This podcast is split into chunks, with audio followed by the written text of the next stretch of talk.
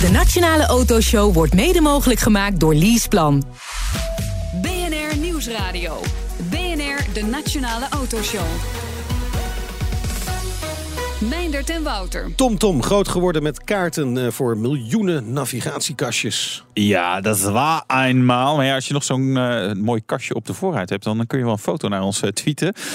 nu vooral software voor autonome rijden. Dat is het ding voor TomTom. Ja, met aan het roer daarvoor een Nederlander. Ja, welkom. Een uur lang alles over BNR en mobiliteit. Ja, heel veel mobiliteit. Onwijs veel mobiliteit hier op BNR. Meepraten doe je natuurlijk via Twitter, het BNR Autoshow. Straks in deel 2, ander soort mobiliteit. Jan Lammers, hij maakt zich op voor de 23ste keer de 24 uur eh, van Le Mans. Ja, ja. Vorig jaar was eh, Toyota de winnaar van de 23 uur van Le Mans.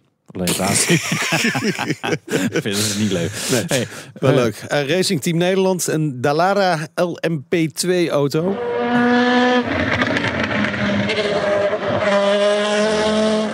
Ja. Leuk spul. Het mooie is als die auto's, die zelfrijdende techniek allemaal goed werkt, straks kunnen we allemaal zo rijden. Ja, en uh, hebben we geen coureurs meer nodig. En je hebt ook races volgens mij al voor en ronde records voor zelfrijdende auto's. Ja. ja. En daarmee gaan we ook beginnen. Willem eh, Strijbos is hoofd autonoom rijden bij TomTom. Tom. Hij is samen met in totaal 2500 collega's dag in dag uit bezig met het ontwikkelen van techniek voor zelfrijdende auto's. Welkom. Leuk dat je er bent. We hebben afgesproken te tutoyeren, dus uh, dat gaan we dan ook maar doen. TomTom Tom maakt natuurlijk kaarten, hè, dat weten we allemaal. Uh, en navigatiekastjes. Maar er is veel meer nodig om een auto zelf echt autonoom te laten rijden... Uh, dan alleen goede kaarten. ook op dat vlak is TomTom Tom dus actief. kun je ons een indruk geven waar TomTom Tom zich op richt als het gaat om autonoom rijden? Bij autonoom rijden komen een heleboel uh, dingen kijken. En uh, uh, dat zijn grote stukken software in de auto die alles interpreteren. Dat is allerlei software in de, in de cloud. Mm -hmm. en wij leveren daar allerlei onderdelen van. Dus niet, niet alleen de kaartdata, maar ook hoe krijg je die data nou in een auto? Hoe haal je nou weer relevante data uit een auto die je weer kan helpen om zo'n kaart up-to-date te houden? En wat voor soort relevante data zou je dan uit de auto willen halen, bijvoorbeeld? Uh, nou, stel je voor uh, dat er net uh, wegwerkzaamheden zijn geweest. Ja. dan wil je daar misschien wel wat foto's van uit een auto halen. Of een soort verwerkt, geabstraheerd stukje kaart wat je kunt maken in de auto. Ja. Dus eigenlijk wij gebruikers van zelfrijdende auto's of van moderne auto's, wij leveren straks data aan jullie. Dus als je als eerste over een nieuw stukje wegrijdt, dan, dan ben je belangrijk. Ja, en als tweede ook. En als tiende ook. Nee, maar als twintigste niet meer. Uh, nou ja, dan wordt het... Uh, nou, die dan kan weer zien dat het opgeruimd is, bijvoorbeeld. Ja. ja. Maar dat is wel ingewikkeld om, om dat continu uh, up-to-date te houden. Want, want het, het, ja, er wordt best veel aan wegen geklust. En die communicatie daarover is, is niet altijd even briljant natuurlijk vanuit de overheid. Nee, wij krijgen nu al heel veel data hè, van heel veel uh, auto's. Uh, en um, van 500 miljoen devices, sommige zijn smartphones, maar zijn wel in een auto, krijgen wij al data. Daar halen we ook heel veel van dit soort informatie al uit. En daar zijn we ook zo goed in geworden dat overheden soms al bij ons komen van sommige landen. En die ja, zeggen, zijn er wegwerkzaamheden? zijn er wegwerkzaamheden? ja? Dat is waar gebeurd verhaal. Echt waar? Ja. Welk land was dat?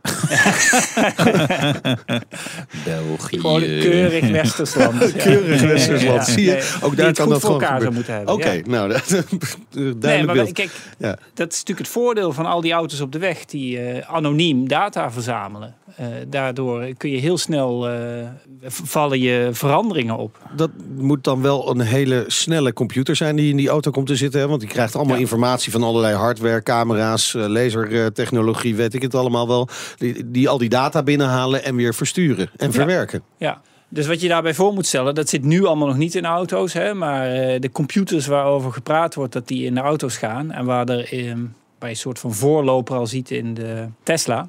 Dat zijn computers die zijn vergelijkbaar met de kracht van meer dan 100 laptops. Zo. Dat in, in, in het pakketje van zeg maar je, je lunchbox. Ja, ja, maar alleen dat al is natuurlijk enorm kostbaar uh, en er voorlopig eigenlijk nog niet heel erg in beeld. Want ik bedoel, iedere twee jaar uh, wordt die rekenkracht van uh, chips wordt, wordt, wordt twee keer vergroot. Maar ja. ja. voordat we dan bij 100 laptops die betaalbaar zijn, dan dat duurt wel even.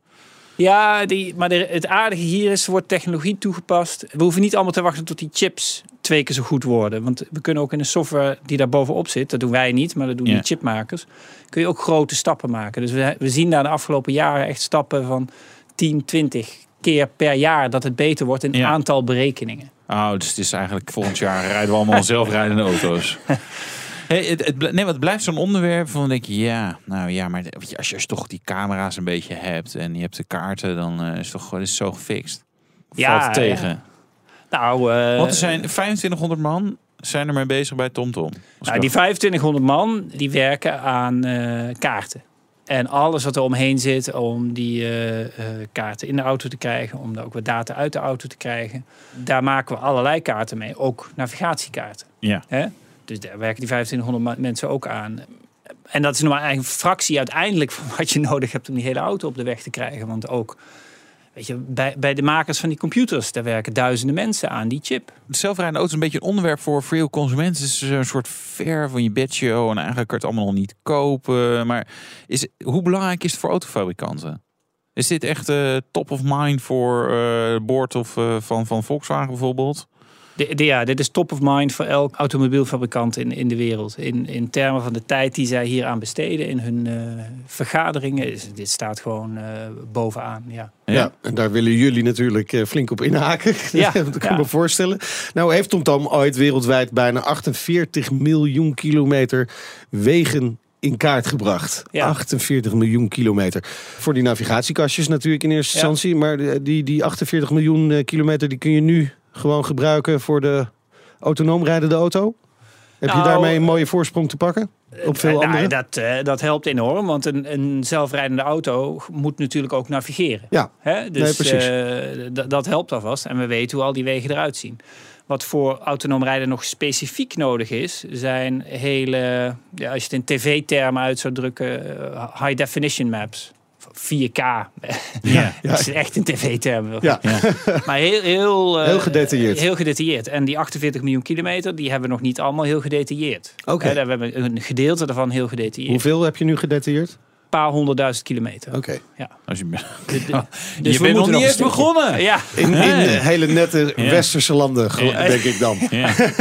maar eh, en, en vroeger was Nederland paste op één CD-rommetje. Als je een, een beetje oude navigatie eh, dingen had. Dat was 700 MB. Maar zo'n 4K-kaart. Hoe, hoe, gro- hey, hoe groot wordt een kaart van Nederland dan? Als dat, want het is op 15 centimeter of iets dergelijks. Hoe, ja hoeveel dus de nauwkeurigheid is tientallen centimeters. 10, 20 centimeter eh, Ja. eh, nauwkeurigheid. Dus als je 100 meter loopt op die kaart, dan wijk je maximaal eh, 10, 20 centimeter af. Dat is toch best wel wat. Ja, dat is best moeilijk. Ja,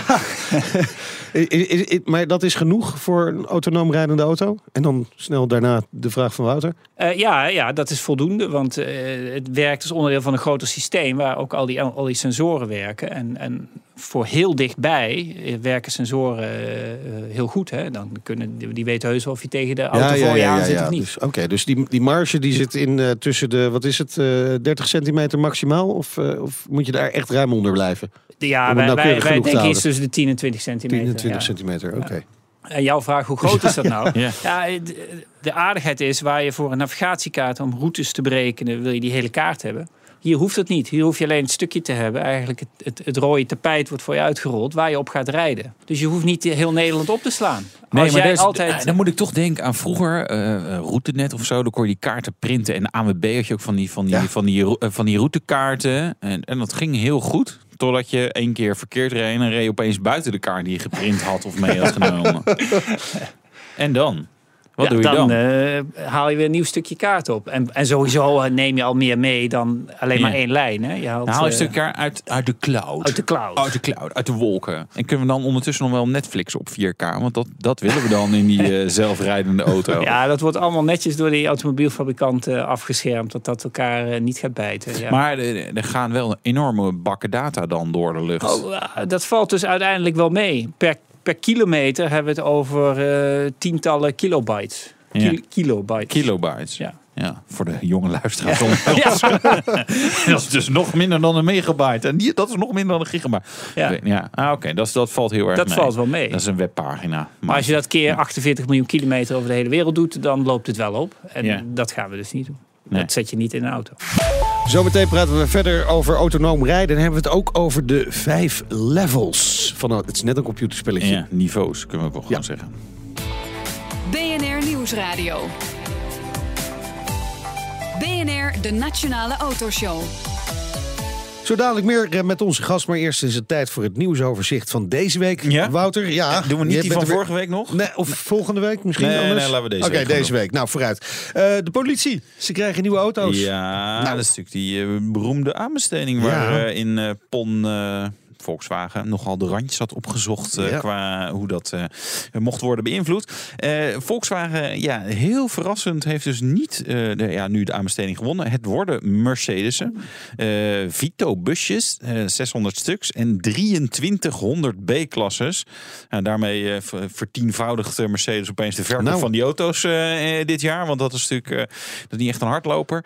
Ze moeten wel de proof of concept doorstaan. Dat betekent dat die auto's helemaal naar politiespec worden gebouwd. En dan gaan ze test doen zoals, ik heb even wat opgezocht, eh, in een klimaatkamer, 39 graden. En dan moet de motor draaien en dan mag die en airco en zo aan. En dan mag die niet oververhitten. Nou, nou, hè? Wauw. Polestar verzweeg een ronde record op de. Nürburgring. Ja, het is zoiets als je thuis eh, niet vertelt dat je een 10 hebt gehaald op je examen. Ja, Ja. eh, een bijzonder verhaal. Eh, het, is, het is ook een aparte toko hoor, die Pols, Polestar. Het is nu onderdeel van Volvo, maar het is me al eerder opgevallen dat hun communicatie niet hun sterkste punt is. Ze hebben jaar geleden met de V- eh, S60 Polestar, ik moet het goed zeggen, dat is eh, nou, sedan, hè, met, Ja. toen nog met de zescilinder, met turbo 350 pk, reden ze een tijd van 7 minuten 51 seconden. En dat dat was destijds een ronde record voor sedans. En is overigens ook gewoon echt een goede tijd voor een auto met relatief weinig pk's. Maar ja, ze dachten, joh, waarom zouden we daar persbericht over sturen? Zou je ons nergens nodig? Laten we ons vooral niet al te veel op de borst kloppen. Nee, nee. Maar nu een jaar later blijven. Oh ja. doen we het dan toch wel. Een jaar geleden hadden wij een ronde record. Ja. Ja, inmiddels niet meer, want de Alfa Giulia Q is eh, sneller. Maar goed, die heeft ook maar we hebben dus 160 het, het nieuwsoverzicht van een jaar geleden. Ja, het nieuws Eigenlijk. zegt een jaar geleden. Volvo heeft... hey. Goed, dan eh, BMW. eh, die heeft wel nieuws van deze week. Ja. Onthult de 8-serie Concept. Ja, nou ja, dat, daar, de 8-serie hadden ze ook al in de jaren 90. Hè? Dus het is eigenlijk een eh, nieuwsoverzicht van 25 jaar geleden. Ja, opvolger van de 6-serie. hè, Wat BMW doet, en Mercedes en Audi doen dat ook hoor. Die upgraden die typeaanduiding. Hè? Dus, dus in plaats van een 6 wordt het nu een 8. Want dat is dan dat oog duurder. En, eh, maar het is eigenlijk gewoon de opvolger van de 6-serie. Volgend jaar op de markt. Wat redelijk klopt met de vorige 6-serie. Die dan inderdaad Ja. aan vervanging toe Hey, is. en komt daar dan nog wel een diesel in? Ja, Tuurlijk. Ja, nog wel. Maar het is natuurlijk de allerlaatste. Ja. Nee, ja, dieselmarkt, hè? Diesel is op zijn retour in Europa. 15% minder diesels verkocht in april. Dus eh, het is niet meer het dominante brandstoftype. Ik vind het wel logisch. Er is gewoon heel veel gedoe rondom diesels. Ook dat je sommige steden niet meer in mag en zo. Dus ik zou ook mensen adviseren als je twijfelt. Van ja, het is ook een beetje om het even met de kilometers. Nou, dan zou ik nu ook niet voor een diesel kiezen. Want je weet gewoon niet wat er qua milieuzones en andere dingen gaat gebeuren. Het zal voor moderne diesels wel niet zo'n vaart lopen. Maar ja, you never know. De Petrolhead Check. De Petrolhead Check en die doen we met eh, Willem Strijbos, hoofdontwikkeling autonoom rijden bij TomTom. Ben je er klaar voor? Ik ben er klaar voor. Ja, je werkt bij TomTom, Tom, maar ben je ooit de weg kwijtgeraakt? Ik ben wel eens de weg kwijtgeraakt. ja. Nou, gelukkig maar. Mooi. Eh, wie navigeert beter, jij of je levensgezel? Mijn eh, TomTom. Enige Ja, dat is je levensgezel. Ja, nee, dat niet. met nee. TomTom. Liever op pad met een Porsche 911 inclusief stratenboek van een jaar of tien oud. Of een Prius met een TomTom op de voorraad. Nee, dan die Porsche 911. Ja, Ja, goed zo. We bij het eh, eindoordeel. Prima. Ja, helemaal prima. We praten verder met eh, Willem Strijbos, hoofdontwikkeling autonoom rijden bij TomTom, waar in totaal 2500 medewerkers bij betrokken zijn. We hadden het al even over die nauwkeurigheid. Hè? Je hebt die kaarten, die moeten behoorlijk nauwkeurig zijn, maar daar heb je nog wel wat marge. Ja. En dat hangt ook weer af van de hardware die in de auto zit. De Ja. camera's, de ondersteunende systemen. En een van die eh, nieuwe ondersteunende systemen heet LiDAR. LiDAR, ja. Wat is dat precies? LiDAR staat voor, is eigenlijk lichtradar. Da- Daar komt de afkorting ook een beetje vandaan. Ja. En dat is een laser en die eh, schiet overal lasers op af. En die, dat komt weer terug en dan weet je hoe ver iets weg is en, eh, en hoe, hoe snel het beweegt. Nou, klinkt heel eenvoudig. Nou, Ja. Doen. Ja. Handig. hoe essentieel is dat? Ja, dat is een belangrijk eh, onderdeel voor eh, eh, zelfrijdende auto's in de toekomst. Het wordt nu ook uitgebreid gebruikt. Hè? Dus de zelfrijdende auto's waar je nu in kunt stappen. Als, weet je, als wij het vliegtuig ingaan naar Amerika, naar eh, Phoenix, Arizona gaan of naar Pittsburgh, kunnen wij in een zelfrijdende auto stappen van eh, Waymo, Google of Ja. dan wel eh, Uber. En die gebruiken allebei zo'n LiDAR op, Ja. op het dak. Ja, een soort skibox op het dak. Ja, ja iets kleiner, maar eh, ja. Niet heel veel kleiner.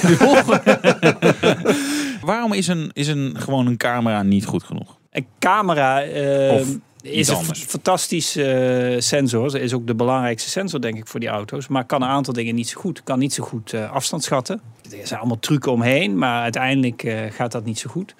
Is uiteindelijk ook niet in eh, moeilijke omstandigheden. Hè, als het heel hard regent, als het donker is, dat soort dingen. eh, Ja. Worstelt die. Oké. Ja. Dus we hebben in de toekomst gewoon LiDAR nodig. Ja, wat je, wat je nu ziet is met name radar. En als, als Ja. LiDAR betaalbaar gaat worden, want dat is het nu niet. Hè? Eh, Tegelijkertijd horen we ook dat er wereldwijd gewoon een tekort is aan die systemen. Nu al. Ja, maar dat zijn die, die grote dure. eh, en ik Er denk, worden er gewoon ook niet zo eh, heel veel van gebouwd. er worden, dat is allemaal handwerk, ja.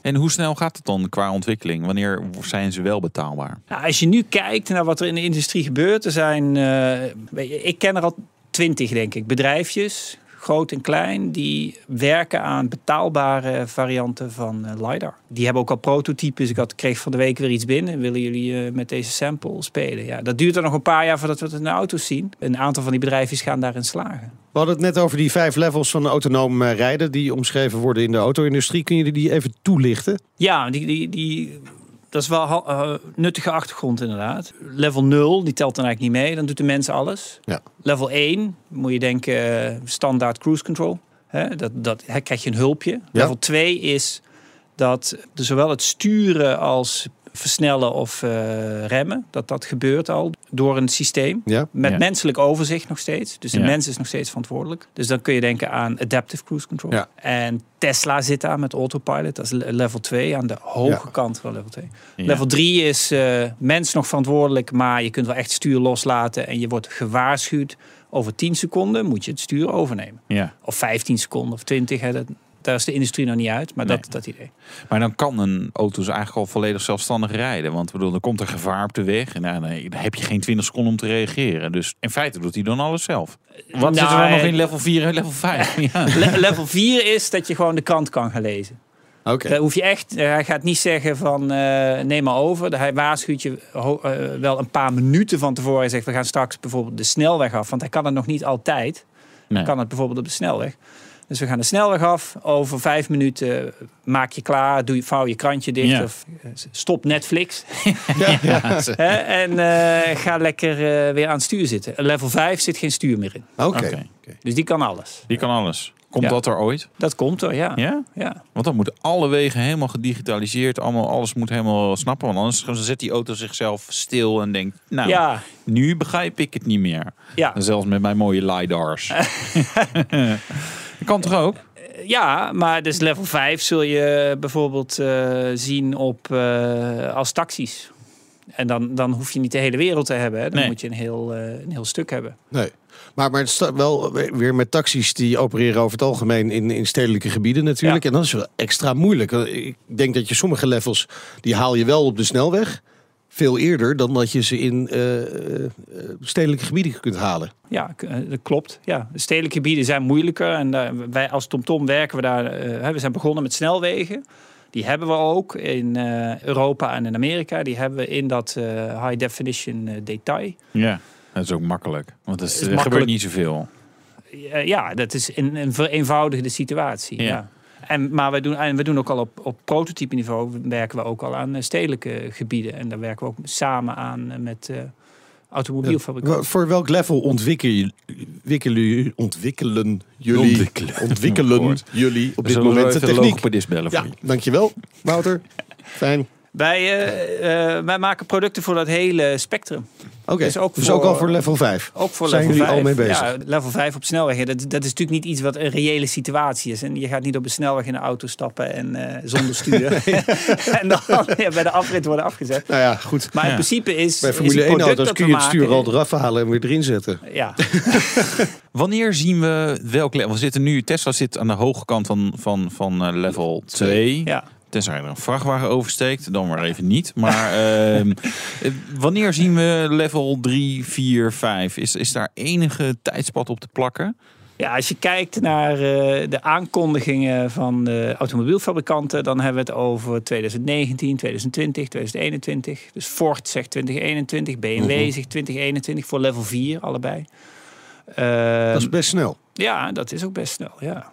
Eh, wat andere fabrikanten zeggen voor level 3 eh, 2020. En wat zeggen jullie? Want ze zijn afhankelijk van onder andere TomTom.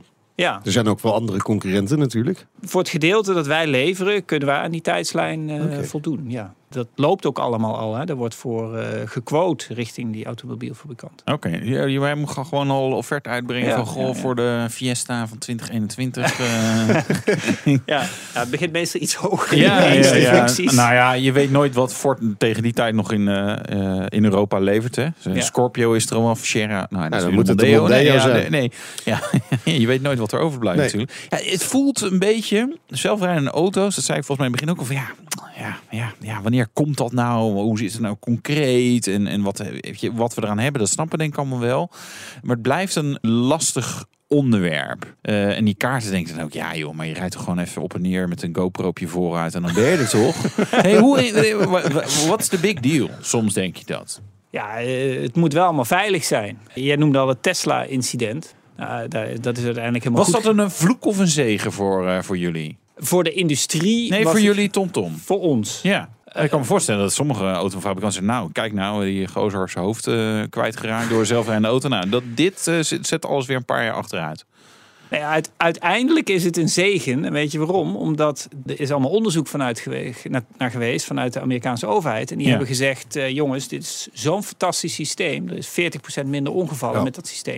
En dan gaan Ja. altijd mensen dood in auto's. Ja, Ja. dit is ongelukkig, maar het Ja, zijn er meer. ja dat, dat is waar. Ja. Ja. Over Volvo gesproken dan. Want daar hebben jullie een deal mee gesloten. Die zeggen natuurlijk, nou, eh, er mogen helemaal geen mensen meer doodgaan. In een, rond een eh, Volvo. Eh, hoe groot is die, hoe belangrijk is die deal die jullie met Volvo hebben gesloten? Dat is een hele belangrijke deal voor ons, ja. Volvo is een eh, premium OEM en een innovatieve... Autobouwer. Auto, oh, sorry, ja, autobouwer. En innovatief loopt ook eh, voorop hè, in autonoom rijden. Dus zij brengen eind dit jaar gaat gewoon eh, een normale familie gaat gebruik maken van eh, een zelfrijdende Volvo's in Göteborg. Is een test met, met een beperkt aantal auto's, Ja. maar Ja. het gaat wel lopen. Dat gaat lopen ja. Ja. Met jullie kaarten dus. met onze kaarten. Ja. Wat, wat voor soort dingen willen jullie dan uit die test halen? Uit die test, eh daar, Wat is een test, hè? Ik bedoel, dat Ja, eh, ja, het, het wordt eh 100 auto's wil Volvo op de weg Ja. brengen. Dus wat je eruit haalt, is dat je dat hele systeem gaat eh, testen. Hè. Dus wat krijgen we nou voor informatie uit die auto? En eh, hoe gaat die auto om met wegwerkzaamheden of veranderingen in de kaart? Hoe snel kunnen we dat weer terugkrijgen in die kaart? Dat soort dingen gaan we allemaal eh, testen. En dus je hebt afgesproken met de gemeente Göteborg dat ze niet alle wegwerkzaamheden doorgeven om te zien wat. Eigenlijk wil je Ja, dat, ja. hè? Je wil we die voor Ja. onverwachte situaties. Dat is Ja. het meest interessante. Ja. Daar leer je het meest van.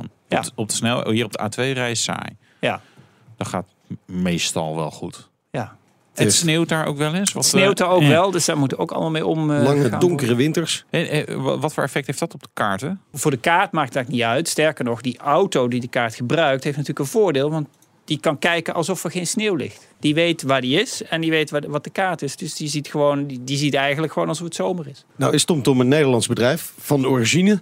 Minister Schultz van Hagen die wil Nederland de proeftuin maken voor zelfrijdende auto's. Eh, moet er niet ook heel snel zo'n proef hier komen? 1 plus 1 is 2 zou je bijna zeggen. Ja, wij eh, zouden dat van harte toejuichen, uiteraard. Ja. Eh, daar is ook een automobielfabrikant voor nodig. Eh, Daar gaan we. nou, Spijker of Donkervoort. Net Er zijn zoveel bedrijven die eigen auto's bouwen. Kan TomTom ook wel, toch? Inmiddels. ja, maar dat ze is niet waar we onze nee. energie aan gaan besteden. Goed. Nee. Goed. Maar wie weet, je kunt nog niks zeggen over een mogelijke proef hier in Nederland op termijn. Nee, maar er zullen hier wel zelfrijdende auto's eh, rond gaan rijden. Dankjewel voor de komst naar de studio. Heel veel succes Willem Strijbos, hoofdontwikkeling autonoom rijden bij TomTom. Tom. En zometeen Jan Lammers over de 24 uren van Le Mans. Ja, en Meijnerd reed in de BRZ. En dat is een Subaru. En dat deed ik helemaal zelf. Wat knap. De Nationale Autoshow wordt mede mogelijk gemaakt door Leaseplan. BNR Nieuwsradio. BNR, de Nationale Autoshow. Meindert en Wouter. Voor de 23ste keer doet hij al mee. 23 keer, Wouter.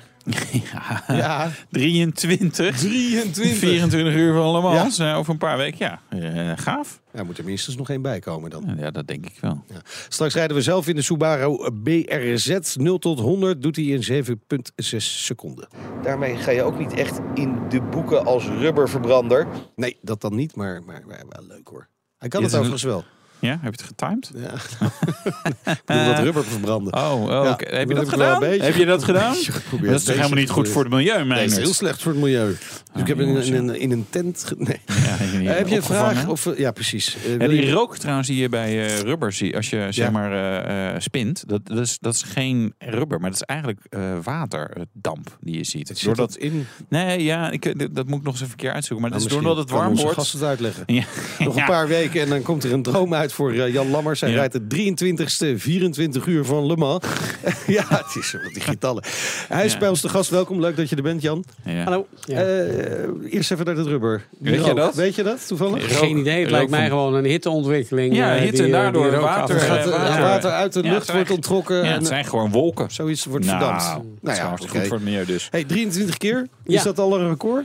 Eh, nee, nee. Oh. Er is eh Henri Pescarolo heeft het geloof ik 33 keer gedaan. Nou. De helaas veel te vroeg overleden Bob Wolk 30 keer. Dus ik... eh, je mag nog even doorgaan. Je moet nog even door. Ja, nou zover zou ik niet gaan denk ik. Maar eh, ik denk dat... Ja, hoezo? Je kan toch lekker door? Ja, nou, joh. de, vier, de 24 uur 24 keer doen, dat vind Dat ik vind dan ik wel lekker. goed, lekker? Straks als ik Ja. ouder ben is het Maar- makkelijk te onthouden. Of, of, of doen jullie al... eh, ja, welke klasse? Is dat veteranenklasse? Jullie zijn best een oud team, toch? Nou, eh, ik, aan de ene hij kant een zou ik beetje zeggen... Nee, nee, maar aan de ene kant zou ik zeggen, was dat maar waar. Qua competitie zou ik zeggen, was dat maar waar. Want dan rijden we tenminste in een eerlijke klasse wat betreft de uitdaging. Maar ja, Ja. het, het is bijna alsof wij tegen eh, zonen rijden. Eh, en, en, eh, want wij rijden tegen jongens van 16, Ja. 17 jaar. En dan, eh, oké, Nee, ik, ik, bijna. ik ben bij, ja, zou toch kunnen. Eh, zeker kunnen. Maar in ieder geval, eh, ja, ik, ik ben tegen die tijd 61. Over Ja. twee weken word ik ze- 61. Frits is 50.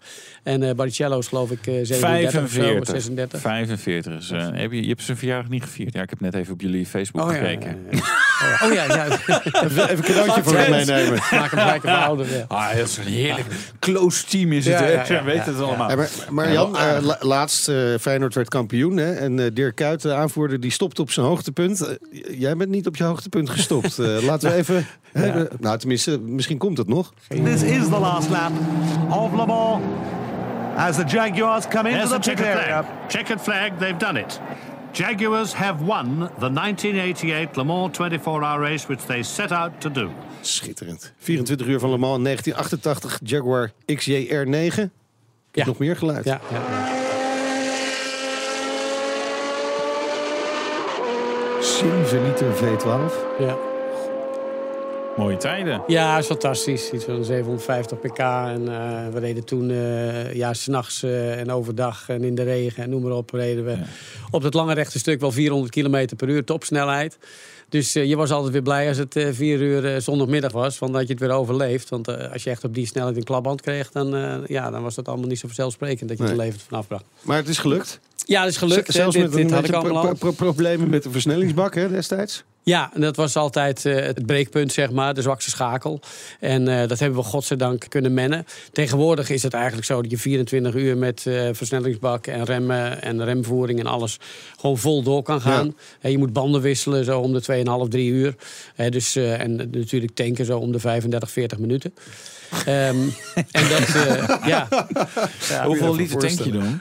Kijk, 90 liter. 90 liter Ja. in 40 minuten. Ja, dus Even dat, kijken. dat, dan eh, hebben jullie 40 minuten. Jullie rijden gemiddeld eh, tegen de hoeveel zal zijn? Ik denk wel iets over de 200 zijn. Dat weet ik niet zo helemaal. Ja. Ik ben niet zo van de cijfers en statistieken. Want, eh, ik ben meer Nou, van het asfalt. Dat Ja, stukje asfalt wat voor zo hard mogelijk, ja. Nou ja. ja, je moet wel... Je, nee, maar hoe is dat trouwens in die race? Want je rijdt 24 uur. Ja. Kijk, normaal, zeg maar, je start met z'n allen en dan sta je vooraan of niet. Nou, als je niet vooraan staat, dan zie je mensen voor je. Ja. Maar in die 24 uur, je bent op een gegeven moment helemaal kwijt waar je rijdt. Hoe, hoe doe je dat als je in, in de cockpit zit? Eh, daar moet je gewoon mee omgaan. En Ja. dat is, dat Ja, is eh, net hoe? zo goed. Hoe dan? Hoe dan, Jan? Nou ja, opletten, anticiperen Ja. en, en eigenlijk eh, constant datgene wat je, waarvan je hoopt dat ze het niet doen, ervan uitgaan dat ze het wel doen. Dus je, je moet ultra voorzichtig zijn. Want je moet je voorstellen dat als je, als je in die auto zit en je probeert echt die laatste seconde te vinden per ronde, dan moet je echt trappen. Ja. En, en als je, je rijdt ongeveer 12 rondjes achter elkaar. Dus zeg dan heb je in die 12 rondjes flink je best gedaan. En dan weet je 12 seconden hè, op je eigen tankstop te winnen. Maar als je één keer even een achterblijver over het hoofd ziet. en je moet eh, de pits in om een nieuwe neus erop te laten zetten. dan ben je wel 45 minu- seconden of een minuut kwijt. Ja. Hè, dus daar valt niet tegenop te rijden. Dus om je downtime in de pits eh, minimaal te houden. dat is toch wel de uitdaging.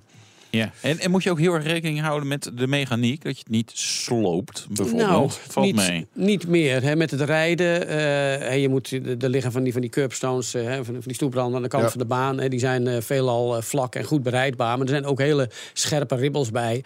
En daar kan je de auto wel op kapot rijden. Dus, dus als je daar constant gewoon gebruik van maakt.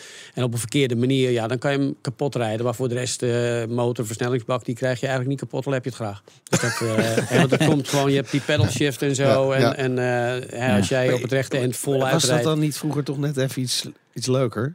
Nou, in dat, eh, vroeger kon je gewoon eh, op het rechte stuk hem in zijn één zetten. En dan plofte alles uit elkaar natuurlijk. Tegenwoordig kan dat niet meer. Dus dat deel, dat, eh, dat mis ik niet. Nee, nee, Nee. En, en vroeger moest je Is je ook- dat wel eens overkomen dan? Echt, echt Nee, misschakelen? Niet in zijn één, maar... Nee, nee. Nou, je, je, wel misschaken. Dat hoeft niet gelijk eh, terminaal te zijn dan. Maar, Nee. maar eh, hè, dat, vind dat, dat, zo'n naar gevoel. Dus Ja, het dat is is mij ook natuurlijk ook wel eens overkomen. Dat je gewoon Overal Nou, pijn. Je Ja. voelt al de auto afremmen. En als je dan snel bent met je koppelingspedaal, dan komt het natuurlijk wel goed. Maar het is echt zo... Ja, maar ik die- voel me zo knullig dan. Die, die, die racemotoren zijn natuurlijk een beetje net wilde beesten. Zodra Ja. je daar het gas aanraakt, dan, dan heb je gelijk eh, Ja. volle toeren.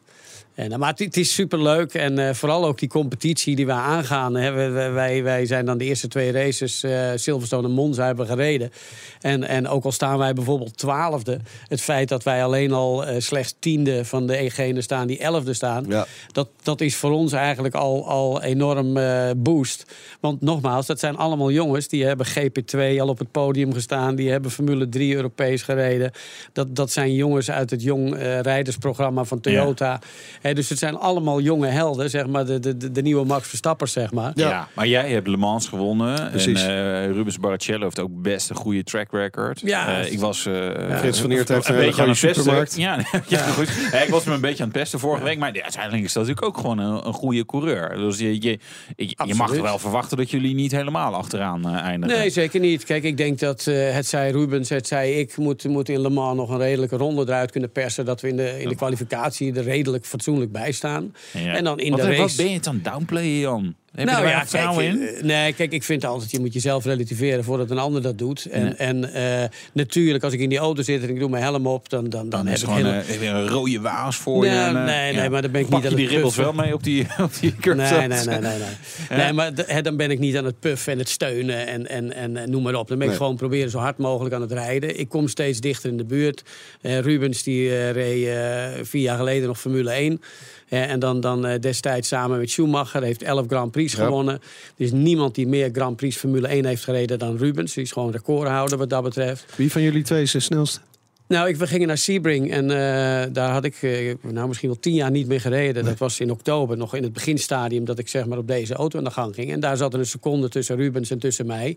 Maar daar zou ik nu geen genoegen meer mee nemen. Dus, dus, eh, hè, dus ik vind gewoon dat ik geen enkel excuus heb om, eh, om net zo hard als hij te rijden. Kijk, dat is een uitspraak. Gaat die bescheidenheid toch een beetje nou, maar vanaf? goed, dat is Heel naar goed. jezelf toe. Ja, ja, ja, ja, Ik, ik ja. ga niet zeggen, ik ga net zo hard als hij. Ik zou mezelf, eh, ik, ik zie geen enkele reden waarom Nee, oké, langzamer zou moeten zijn. Dat, dat is zo simpel is het. Jullie vormen met z'n drieën Racing Team Nederland. Ja. Ah, er zit natuurlijk nog een team omheen. Hoe, Ja. hoe is dat team eh, eh, samengekomen? Nou, dat is eigenlijk een eh, combinatie van, van, van een bestaand netwerk. Eh, ik zelf heb natuurlijk eh, heel veel, veel eh, eh, ervaring daarin. Ja. En, en eh, het is, het is eh, Davy Lemmens eh, van Davy Tech, die, eh, die runt zeg maar, de hele operatie. Hij is verantwoordelijk voor het aanstellen van alle technisch personeel. Ik ken daar wel veel mensen van. Ik ken Davy. Hè. Davy heeft voor ons ook altijd die uh, domes in Le Mans gerund. Ja. Van de Racing voor Holland was dat toch? Hè? Dus in tegenstelling tot nu Racing Team Nederland. Ja, Davy is, uh, is, is, is technisch gewoon, uh, zou ik bijna zeggen, hoogbegaafd. Hè, dus, dus hij is absoluut een operationeel, technisch fantastische man. Maar daarmee ben je er niet alleen. Je moet Nee. ook qua competitie, die auto moet niet alleen functioneren, maar ook eh, beter afgesteld staan en meer in balans zijn dan je concurrenten. Op die manier kun je het eh, onderscheidend vermogen creëren. Maar daar moeten wij ook alles uit die auto Ja, halen. ja, precies. De, rij- de coureurs zijn natuurlijk heel belangrijk daarin. Eh, Absoluut. eh, eh, Jumbo-baas Frits van Eert, die is eigenaar hè, van het team. Ja. Eh, we spraken hem vorige week, ook over jou natuurlijk. Vroeg hem eh, wat we zeker aan jou moesten vragen. Dit was zijn antwoord toen. hoeveel keer die het nog wil doen. Want dan kan ik er zelf ook rekening mee houden. Eh, en, eh, en, en, en of hij het nog steeds heel erg leuk vindt. Maar eh, dat, eh, dat kan hij heel mooi beschrijven. Dus eh, ja. Mooi.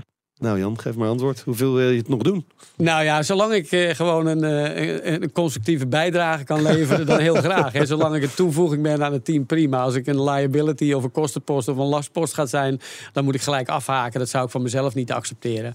Maar Frits is, is natuurlijk, eh, hij heeft een analytisch brein als geen ander. Hè. Dat, dat is natuurlijk de ondernemer in Ja. hem.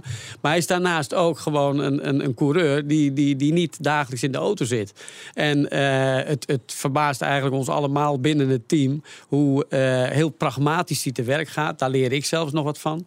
Eh, het is gewoon leuk om te zien hoe, gewoon het brein van hem eh, Ja, functioneert ja, als hij uit de auto stapt. Als het even niet lukt, ziet hij daar niet als de geslagen hond, verslagen hond of wat dan ook. Maar dan is hij echt aan het denken, denkt hij, potverdomme, hoe kan ik dat nou beter doen?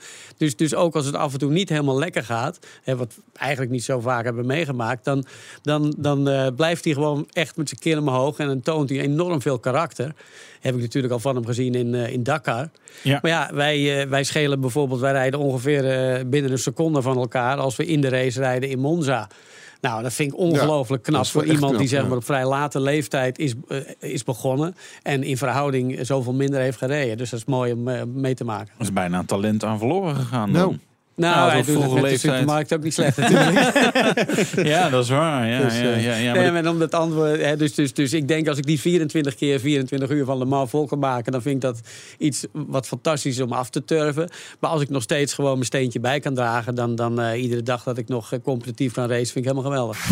En zometeen, waar denkt Jan Lammers te eindigen in de 24 uur van Le Mans? De 23ste 24 uur dus. BNR Nieuwsradio. De Nationale Autoshow. Zullen we een stukje gaan rijden? Lijkt me gezellig. De rijimpressie. Ja, de Toyota GT86 kloon. Ah, daar gaan we eigenlijk alweer heel eh, naar beginnen. Ja, waarom hè? doe je dat dan? Ja, nee, weet ik niet. Maar goed, die, eh, de, de Subaru BRZ, dat is een eh, zustermodel van de Toyota, maar dat is een kloon van de Subaru eigenlijk. Die heeft een update gekregen en dus stuurden we Meindert daarmee op pad.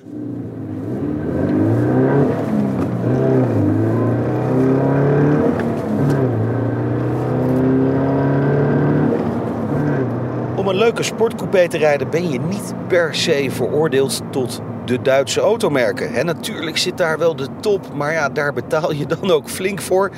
En het kan een stuk goedkoper. Eerder reden we al met de Mazda MX-5 in eh, verschillende uitvoeringen. Nu is een ander Japans merk aan de beurt, Subaru, met de vernieuwde BRZ. Nou, de BRZ kwam in 2012 voor het eerst op de Nederlandse markt als eh, tweelingbroertje van de Toyota GT86. Auto's zijn dan ook wel vrijwel identiek. Behalve dat de Subaru natuurlijk is uitgerust met een boxermotor. En misschien de net iets ruigere van de twee was. Nou, dat is hij nog steeds. Er is dan ook eigenlijk heel weinig veranderd aan de BRZ. Opnieuw uitgerust met de 2 liter 4-cilinder boxermotor. En ook het vermogen is gelijk gebleven, 200 pk. Nou, dan verwacht je misschien dat de designers helemaal los zijn gegaan op het uiterlijk. Eh, nou nee. Ook dat lijkt vrijwel identiek aan de vorige. Je gaat bijna denken dat Subaru alleen maar heeft gezegd dat er een nieuwe BRZ is, maar dat we gewoon te maken hebben met de oude. Worden we hier misschien een beetje voor de gek gehouden? Nope. Japanners zijn gewoon niet zo geneigd om te veranderen, alleen maar om te veranderen. En waarom iets aanpakken dat gewoon goed is? Opvallendste uiterlijke nieuwe kenmerk is dat de neus nog net iets scherper is gemaakt, waardoor de auto nog beter de bocht instuurt dan die al deed. nou is de BRZ volgens de Europese standaarden misschien niet de aller, allermooiste sportcoupé. Maar ja, in zijn puurheid is hij wel tof. De BRZ bewijst dat je geen onwaarschijnlijke topsnelheden hoeft te halen om leuk te kunnen rijden. Top van de BRZ ligt op 226 km per uur. Nou, dat is niet echt schrikken. En van 0 tot 100 doet hij in 7,6 seconden. Daarmee ga je ook niet echt in de boeken als rubberverbrander. En toch, toch is het een feestje om mee te rijden. En natuurlijk is de achterwielaandrijving gebleven en hij stuurt echt wel super strak. Onderstel is goed, motor houdt je continu bezig. Je moet echt wel aan het werk. Heeft toch altijd wat onderstuur. Ja, dat had de vorige generatie ook. Dus ja, ook daar geen verandering. De Subaru BRZ laat je eigenlijk geen moment met rust. Maar ja, dat zorgt nou eigenlijk ook juist voor het plezier. En dit is zo'n auto die bij het uitstappen een klopje op het dak geeft. Goed gedaan, Jochie. Ja, Leuk, hè? ik ging nog even doorrijden. Lekker. Ja. Ja, ik, vind, ik vond het echt een leuke auto. Absoluut. Leuk genoeg voor Ja, dat De is prijs dat van- Is wel op 51.000 euro is best een hoop geld voor een Ja. Subaru BRZ. Ja. met 200 lousy pk'tjes. Ja. Ja. Ja, dan denk ik toch dat je er nog eh, Dat is wel wat duizendjes bij doet. En dan Ja, dan heb je opeens eh, iets, iets wat echt leuk is. Ja, dat, is ook, dat is, klinkt zo onaardig, het klinkt Ja, onaardiger klinkt- dan ik ja, het bedoel. ja. Maar het is wel destijds ook toen, de, hè, toen de, de tweeling kwam, Toyota GT86, Subaru BZ, hoopte iedereen van nou, als dit nou eens even echt betaalbaar wordt. Ja. Ja, dat is Nederland. Ja, nee, CO2, want het is natuurlijk enorm onzuinig. het eindoordeel. Ja, kom er maar in. Met deze auto mag je vrienden met ons worden op Facebook. Ah joh, Ja, vind ik wel. ja. Toch? Wat gaaf. Ja, BNR Nieuwsradio. BNR, de Nationale Autoshow. praten wij verder met Jan Lammers, autocoureur in hart en nieren. Hij doet eh, over een paar weken voor de 23ste keer mee aan de 24 uur van Le Mans met Racing Team Nederland. Eh, jullie zijn ruim een half jaar bezig hè, nu met die voorbereidingen Ja. op Le Mans. Ja. Hoe is dat allemaal verlopen? Ja, eigenlijk super. super. We hebben eerst in Europa het een en ander getest. In Magny-Cours zijn we begonnen. We hebben Nogaro gehad in Frankrijk, eh, Aragon in Spanje. En toen zijn we vijf dagen naar Sebring geweest. Eh, een heel hobbelig circuit en eh, goed warm daar. Dus ja, we hebben twee races gedaan inmiddels. Silverstone en Monza. Dus ja, het is fantastisch. En eh, voor mij was het een enorme omschakeling. Ik had echt een jaartje of tien niet meer op dat niveau eh, Nee. competitief geraced. Dus bij mij moesten de spinnenwebben ook een beetje onder mijn armen vandaan. is het eh, zo'n groot verschil? nou, je moet, je moet echt weer... eh, kijk, als je bijvoorbeeld een, eh, soort van klassieke race doet... en een Pro-M, weet je wel, waar je gewoon samen... dan is echt het meedoen Ja. is, is, eh, is wat belangrijker dan dat laatste, de laatste halve seconde. Meedoen Maar- is belangrijker dan winnen. Ja, Ja. nou absoluut. absoluut. Maar, maar eh, op dit moment is dat gewoon dat, dat, dat wat je vandaag ook presteert, is morgen niet, niet meer goed genoeg. Weet je. je moet echt weer aan jezelf blijven werken. En eh, ja, dat heb ik lang niet meer eh, hoeven doen. Dus ik, ik, ja, ik had nooit in mijn wildste fantasie kunnen dromen dat, eh, dat ik op, op dit moment in mijn carrière gewoon nog weer op zo'n lief- mooi niveau kon Ja. racen. Dus Maar, wat neem ons even mee in die auto, hè? de Dallara LMP2-auto. Wat is het precies voor auto? Nou, dat is een auto, om je een idee te geven. Max Verstappen heeft vorige week het rondrecord gebroken in, eh, in Zandvoort. Hè. Die rijdt dan Ja. 1 minuut 19 en een half. Eh, ik denk dat, eh, dat ik eh, 28,8 reed, geloof ik. Maar ik denk dat als wij met weinig benzine en met nieuwe bandjes even zeg maar, een kwalificatiepoging doen... dat wij met onze auto zeg maar, de 25 aantikken op een circuit als Zandvoort. Dus, dus je gaat best, dat zijn zo'n beetje GP2-tijden, zeg maar. Hè. De Ja. klasse, hè, dan sta je met zo'n auto als deze niet vooraan in het GP2. Maar ik denk ergens middenin tot achteraan het startveld van de GP2. Hè, dus de voorlaatste klasse voor de Formule 1. Eh, dus op dat niveau rijden we. Ja, want wat voor motor zit er dan in? Eh, daar zit een, eh, een Gibson motor in. Dat is zeg maar een, een speciaal gebouwde motor. Hè. Dat zijn allemaal van die specialistennamen natuurlijk. Dat is een 4,2 liter V8. En die heeft zo'n 630 pk. En eh, wij zullen bijvoorbeeld eh, dit jaar eh, sneller gaan rijden met de LMP2 dan de LMP1 een jaartje of drie geleden Mans. Hè, dus, dus we gaan echt serieus hard de hoek om. En vooral de, de, de remkracht is fenomenaal. Je kunt ongelooflijk laat remmen. Ja. Het is gewoon iedere keer weer alsof je een aanrijding hebt. En, eh, en, en rem niet één of twee meter te vroeg. Want dan gedraagt die auto zich gewoon bij het begin van de bocht al niet goed. Je moet echt alles eruit persen. Wil je die auto echt ook op zijn beste manier leren kennen. Ja, is, is, is een beetje gemeen loeder dus. Zo klinkt het bijna. Absoluut, absoluut. Het is net of je een biljartbal aan het uitpersen bent. Want je Ja. moet echt gewoon hem helemaal uitwringen. En, en eh, dat, dat te laat remmen, nou, dat, dat, dat lukt bijna niet. Maar dat is toch niet handig voor een auto waarin je 24 uur achter elkaar misschien wel wakker. ronde na Ja. ronde, bocht na bocht moet goed. Dan moet je elke keer weer Ja, precies dat is- die mee. Ja, maar dat is het eigenlijk- mooie. Ja, maar dan is zou je het toch eigenlijk met, met, met een wat oudere coureur die zijn comeback Ja, maakt. En een Formule hou 1 coureur die nog wel goed en, en, een- en een supermarktondernemer. Dan kiezen jullie best een gemene Nee, auto. nee, joh. En beter dat een, is- eh, een beetje wat bravere auto kunnen kiezen. Nee, nee, wij Nee? willen gewoon, en dat zit ook in Frits, we Ja? willen gewoon iedere keer een grotere uitdaging. En, en eh, kijk, wij weten ook dat we niet gaan winnen. Maar, maar het proberen en de uitdaging is Ja. zo ongelooflijk leuk. Dat we willen gewoon binnen ons eigen potentieel zo hoog mogelijk scoren. Stel nou dat het ons allemaal meezit en wij eindigen bijvoorbeeld in de top 6 van die LMP2-klasse. Dat zou voor ons overeenkomen met een overwinning. Zeker als we dan ook nog tussentijds wat leuke rondetijden laten zien. Dat, dat we niet voor de, voor Top de jongeren 6, dus die, die, tekenen we, die zetten we even neer. Ja, nou goed, dat is de Eh, wat, wat zijn dan de topsnelheden op de rechte stukken? Eh, ik denk dat we zo'n beetje aan de 330 komen, 335 misschien. Nice, en dat klinkt zo, hè?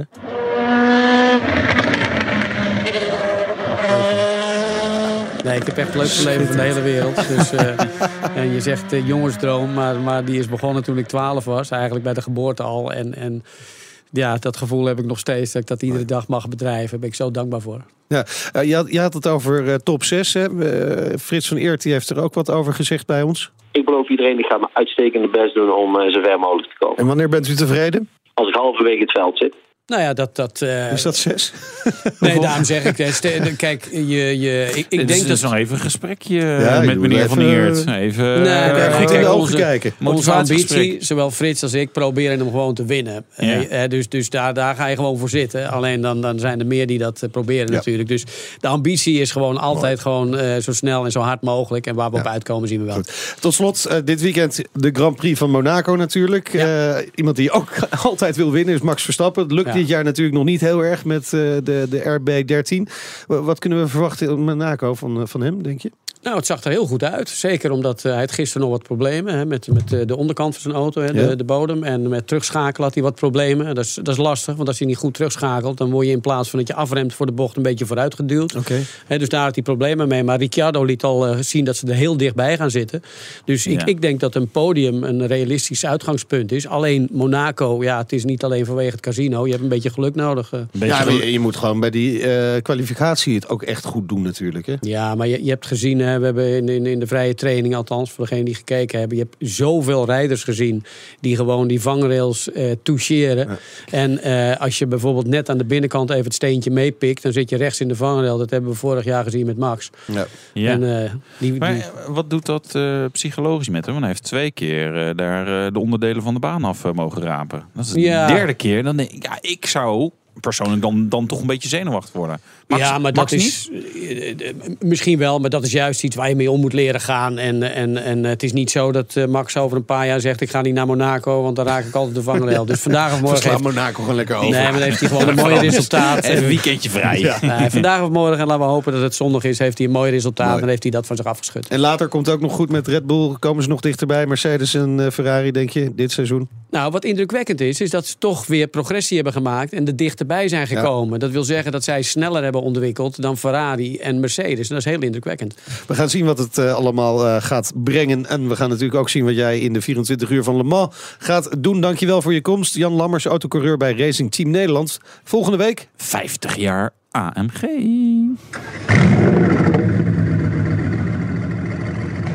Daar gaan we mee afsluiten. Vergeet ons niet te volgen via Twitter, check Facebook, Instagram. Download de uitzending via de podcast, Spotify of in de BNR-app. Tips of vragen?